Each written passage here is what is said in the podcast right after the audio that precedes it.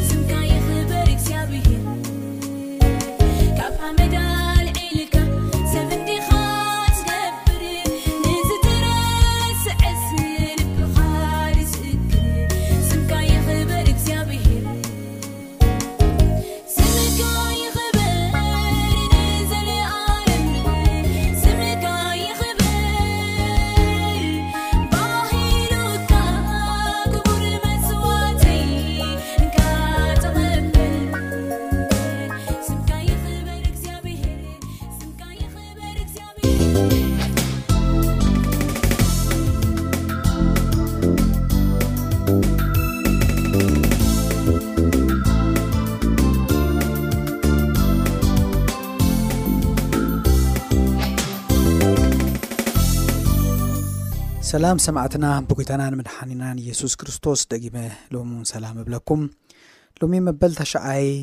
ክፋልና ኣብቲ ትሕቲ ኣርእስቲ የሱስ ክርስቶስ ካልኣይ ብኽብሪ ክመጽእ እዩ ምጽኣት የሱስ ክርስቶስ ዝሓዝናዮ እዩ ሎሚ እውን ከም ልሙድ ከምቲ ዝሓለፈ ዘጽናዕናዮ ከነጽናዓሉ ዝግብኣና ንኡስ ኣርእስቲ ኣሎና እሱ ድማ የሱስ ክመጽእ ከሎ ክንዳሎ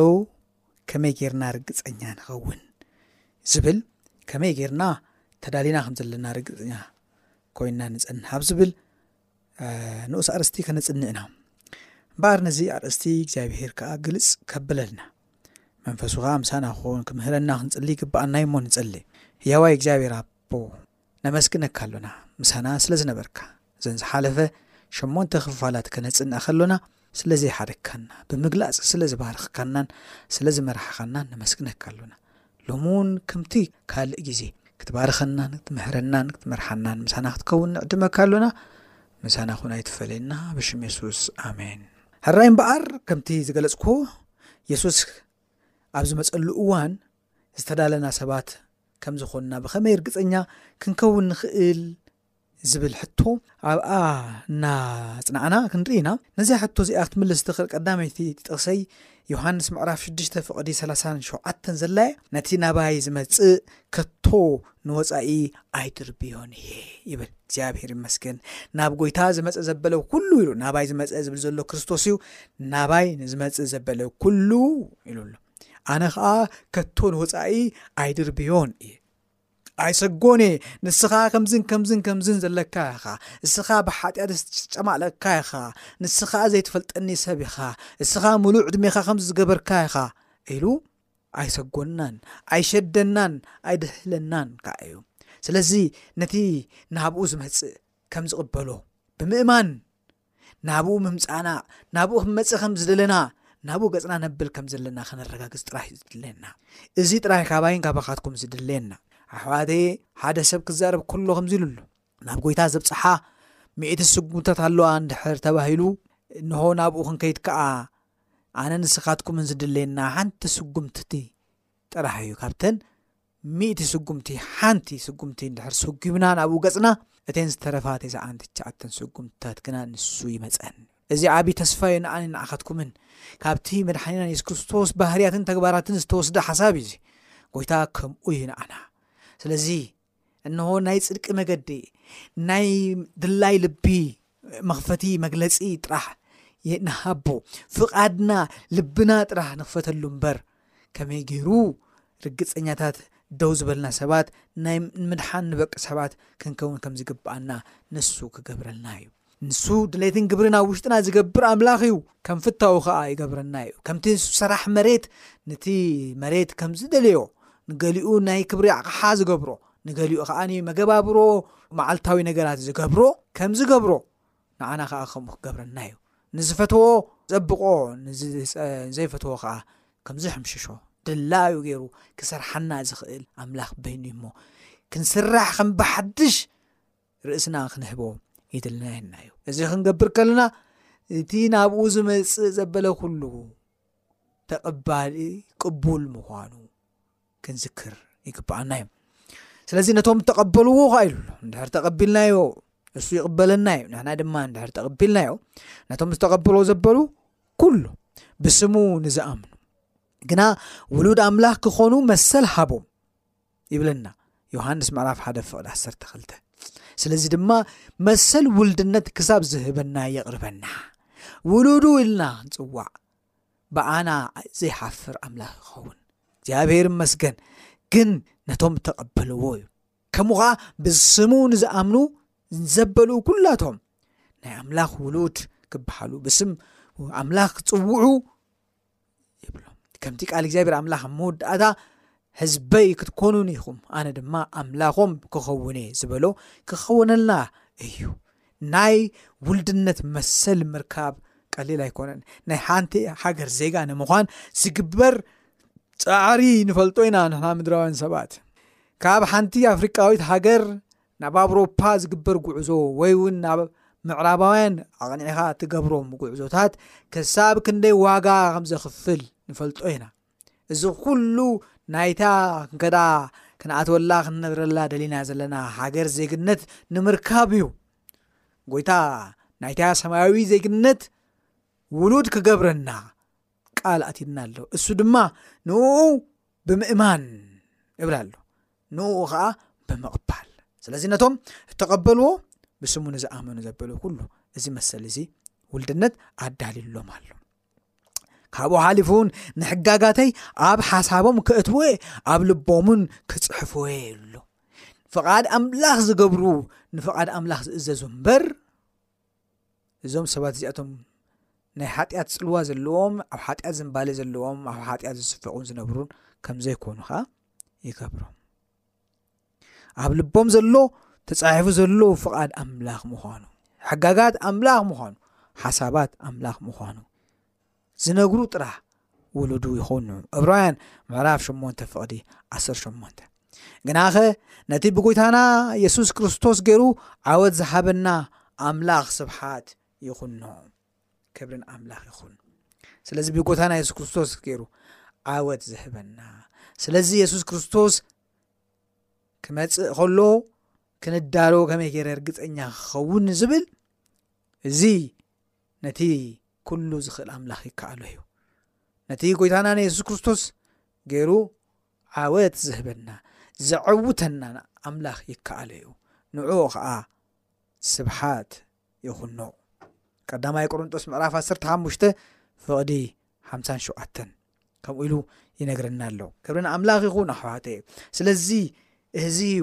ናብ ክርስቶስ ምምጻእና ናብኡ ምቕራብና ከም ፍቓዱ ምኻድና ምስሙ ምእማንና ንኡ ምቕባልና መሰል ውልድነት ከም ዝህበና ይገብረና እዚ ድማ ሕጋጋት ኣምላኽ ኣብ ሓሳብና የእትዎ፣ ኣብ ልብና ይጽሕፎ። እዚ ውን በቲ ብጐይታናን መድሓኒናን የሱስ ክርስቶስ ገሩ ዓወት ዝህበና ኣምላኽ ይኸውን፣ ንዑ ኸኣ ስብሓት ይኹኖ ይብል። እግዚኣብሔር ይመስገን። ስለዚ ኣሕዋተይ የሱስ መሊሱ ይብል እንሆ ኢሉሉ ኣብ ኣፍ ደገ ማዕጾ ኮይነ ኳሕኳሕ የብል ኣለኹ ኢሉ እዚ ማዕጾ እዚ ናይ ሰብ ሓሳብ ናይ ሰብ ልቢ ናይ ሰብ ኩነታት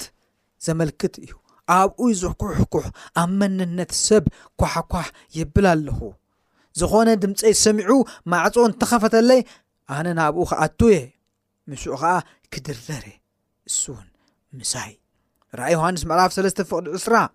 እዚ ቃል እዚ ይብለና ኣሎ ኣብ እንሆ ኣብ ኣፍ ደገ ቤት ኮይነ ኳሕኳሕ ኣብላ ኣሎ ኣብ ማዕፆ ደግተት ልብና ኮይኑ ኳሕኳሕ ኣብላ ኣሎ እእትዎ ስምኣዮ እትዎ በሎ ኣብ ባህልና ኣብ ማዕፆ ንዝኳሕኩሐ ሰብ መን ኢኻ ንብል ኢና እቶ ድማ ንብል ኢና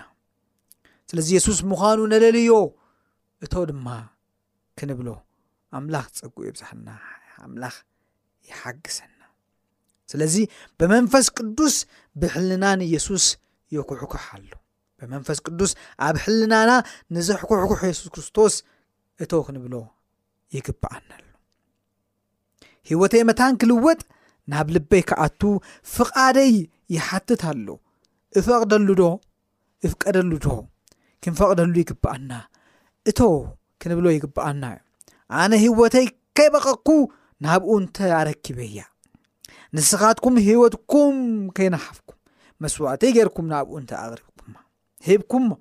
ንሱ ንዅሉ ሕሉፍ ሓጢኣተይን ሓጢኣትኩምን ደምሲሱ። ነቲ ሕሉፍ ሓጢኣተይን ሓጢኣትኩምን ደምሲሱ መንፈሳዊ ህይወት ኣምላኻዊት ህይወት ክንነብር ሓይሊ ክህበና እዩ። እዚ ድማ ከም ነፃ ህያብ ነቲ ናቱ ባህሪ ጽድቂ ኣበይ ኣባይ ኣባኻትኩምን ዘንብሮ ይኸውን። እዚ ድማ መታን ኣነ ኣብ ቅድሚ እቲ ቅዱስ ኣምላኽ በቲ ብኢየሱስ ክርስቶስ ዝተቐየረ ህይወተይ ብዘይ ፍርሓት ደው ክብል ብዘይ ስግኣት ኣብ ቅድሚኡ ጠጠው ክብል ዘኽእል ሓይሊ ዝህበኒ ይኸውን ነዚ ምግባር ከዓ ሓጎሰይ ይኸውን ነዚ ምግባረይ ነዚ ምግባርና ከምኡ ምፍጻምና ናይ ሓጎስና ምንጪ ደስታና ድማ ይኸውን እምበኣር እዚ ቃል እዚ እዚ ፃውዒት እዚ እዚ ብክርስቶስ ዝተዘነግረ እዚ ብዛዕባ ተስፋ ምፅኣት የሱስ ክርስቶስ እናሓስቦ ዘበለ ኩሉ ኣዝዩ ካብ ምቕላሉ ዝተላዓለ ብዙሓት ብሓቅነቱ ክጠራጠሩ ግን ዘሕዝን ይኸውን። ቀሊል እዩ ንሰማያዊ ዜግነት ክትረክብ ትወፅኦ ዓቐበት እትወርዶ ቁልቁለት የብሉን። እትሕተቶ ነገራት እንተሃልዩ ብኣይ እመኑ፣ ብስሙ ንዝኣምኑ መሰል ውልድነት ከም ዝወሃቡ፣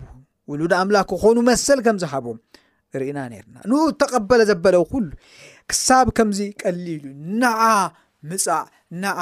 እቶ ንዓ ተዳሎልካ መንግስቲ ውረስ ዝብል ቀሊል ፕሌን ግልፂ ቀጥተኛ ዝኾነ ፃውዒት ግን ካብ ምቕላሉ ዝተላዓለ ብዙሓት ሰባት ብቐሊል ክርከብ ከም ዝኽእል ብምፍላጦም ስለ ዝፈለጡ እንታይ ይገብርዎ የቃልልዎ ብሓቅነቱ ይጠራጠሩ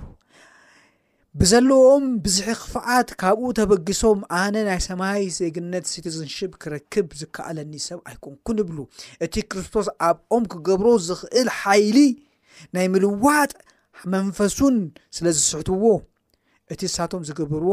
ንሳቶም ክገብርዎ ዝኽእሉ ነገራት ብምሕሳብ ጥራሕ በዚ ነገር እዚ ይድረቱ እዚ ከዓ ንብዙሕ ስህተት የቓልዖም የውፅኦም የትርፎም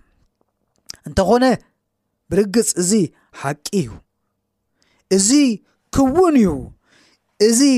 ውን እዩ ጭቡጥ እዩ እቲ ናተይ ግደ ህይወተይ ንክርስቶስ ምሓብ ኣብ ውሽጠይ ክነብር ምፍቃድን ጥራሕ እዩ እዚ ነገር እዚ ክውን እዩ ሕጂ እውን ሓቂ እዩ ጭቡጥ እዩ እቲ ናተይን ናታትኩምን ግዜ ህይወትና ንክርስቶስ ምሃብ ክርስቶስ ኣብ ውሽጥና ክነብር ፍቓድ ምሃብ ፍታውና ምርኣይ ጥራይ እዩ ዝኸውን። እዚ ግደ ድማ ንህይወተይ ዝቕይርን ንኻልኣይ ምጽኣት ዘዳልወኒ ኣብ ውሽጠይ ብተኣምራት ሓይልን ዝግለጽ ሓይሊ ኣምላኽ ዝኸውን። እምበኣር እዚ ነፃ ህያብ እዩ ኣነ ክቕበሎ ጥራህ እዩ ዝግብኣኒ ነዚ ናፃ ህያብ እዚ ጥራህ እዩ ኣነን ንስኻትኩም ክንቅበሎ ዝግብኣና እዚ ነፃ ህያብ እዩ እዚ ካብ ማንም ዘይርከብ ናይ ኣምላኽ ናፃ ህያብ እዩ ጽውዕ ኣሎ እግዚኣብሔር ንዑ ናባይ እቲ ናባይ ዝመጸ ከቶ ንወጻኢ ኣይድርብዮን እየ እንተ መጻና ውሉዶይ ኢሉ ክቕበለና እዩ ምናልባት ዛንታ እቲ ጥፉእ ወዲ ብዙሓት ኣንቢብናዮ ክንከውን ንኽእል ኢና ንፈልጦን ንዘይፈልጦ ግና እንሆ ሓደ ዝጠፍአ ጥፉእ ወዲ ነይሩ ነብኡ እንሆ ካብቲ ምቅሊተይ ሃበኒ ኢሉ ካብ ኣቦኡ ምቅሊቱ ሒዙ ንርሑቕ ዓዲ ገሹ ይብል ሉቃስ ምዕራፍ 15 ንረኽቦ ኣብኡ ድማ ነቲ ካብ ኣቦኡ ዝተማቐሎ ንብረቱ ገንዘቡ ምስ ሰኽራማትን ዘመውትን ሓጣንን ክፉኣትን ዘረዎ ወድኦ ድሓርቲ ገንዘቡ ምስ ተወድአ ኩሎም ምስ ካሕድዎም ምስ ረሓቕዎን ድማ እቲ ኩነታት ናብ ካልእ ተቐይሩ ስለዚ ሓደ ነገር ሓሲቡ እቲ ዝሓሰቦ እንታይ እዩ ክነብር ክብል ናይ ሓሳማ ቋርፍ ይበልዕ ከም ዘሎ ክበልዕ ከም ዝግብኦ ረኣየ እሞ ናብኡ ክኣቱ ካብኡ ክበልዕ ደልዩ ብድሕሪ እዚ እምበኣር፣ እቲ ኵነታት ባህ ስለ ዘየበሎ፣ ቤት ኣቦኡ ክዝክር ኣብ ቤት ኣቦኡ ዝፈስስ ብዙሕ በረኸት፣ ብዙሕ ዝብላዕ ከም ዘሎ ብምርኣይ ናብ ቤቱ ክምለስ ከም ዘለዎ ኣብ ሓሳቡ ኣተዎ። ስለዚ ናብኡ ድማ ኸደ። እምበኣር ኣብ ኣቦይ ኣብ ቤት ኣቦይ ብዙሕ ነገር ኣሎ ኣነ ኣብዚ ብቋረፍ ሓሰማ ሳቅ ኣለኹ ኣብኡ ክኸይድ እሞ ኣብኡ ክምገብ ኣብኡ ክሕጎስ ኢሉ ድሓር ናብ ቤቱ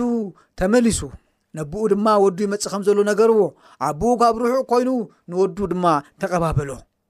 ዓይን ዓቆን ጠፊእኻ ነርካ ገንዘብካ ሒዝካ ክድካ ነርካ ብኡ ጌርካ ተመለስ ኣይበሎን ግናኸ ተቐበሎ ሓቆፎ ሓብሓቦ ኣብ ቤቱ ድማ እተዎ እንሆ ወደይ ጠፊኡ ነይሩ ሕጂ ግና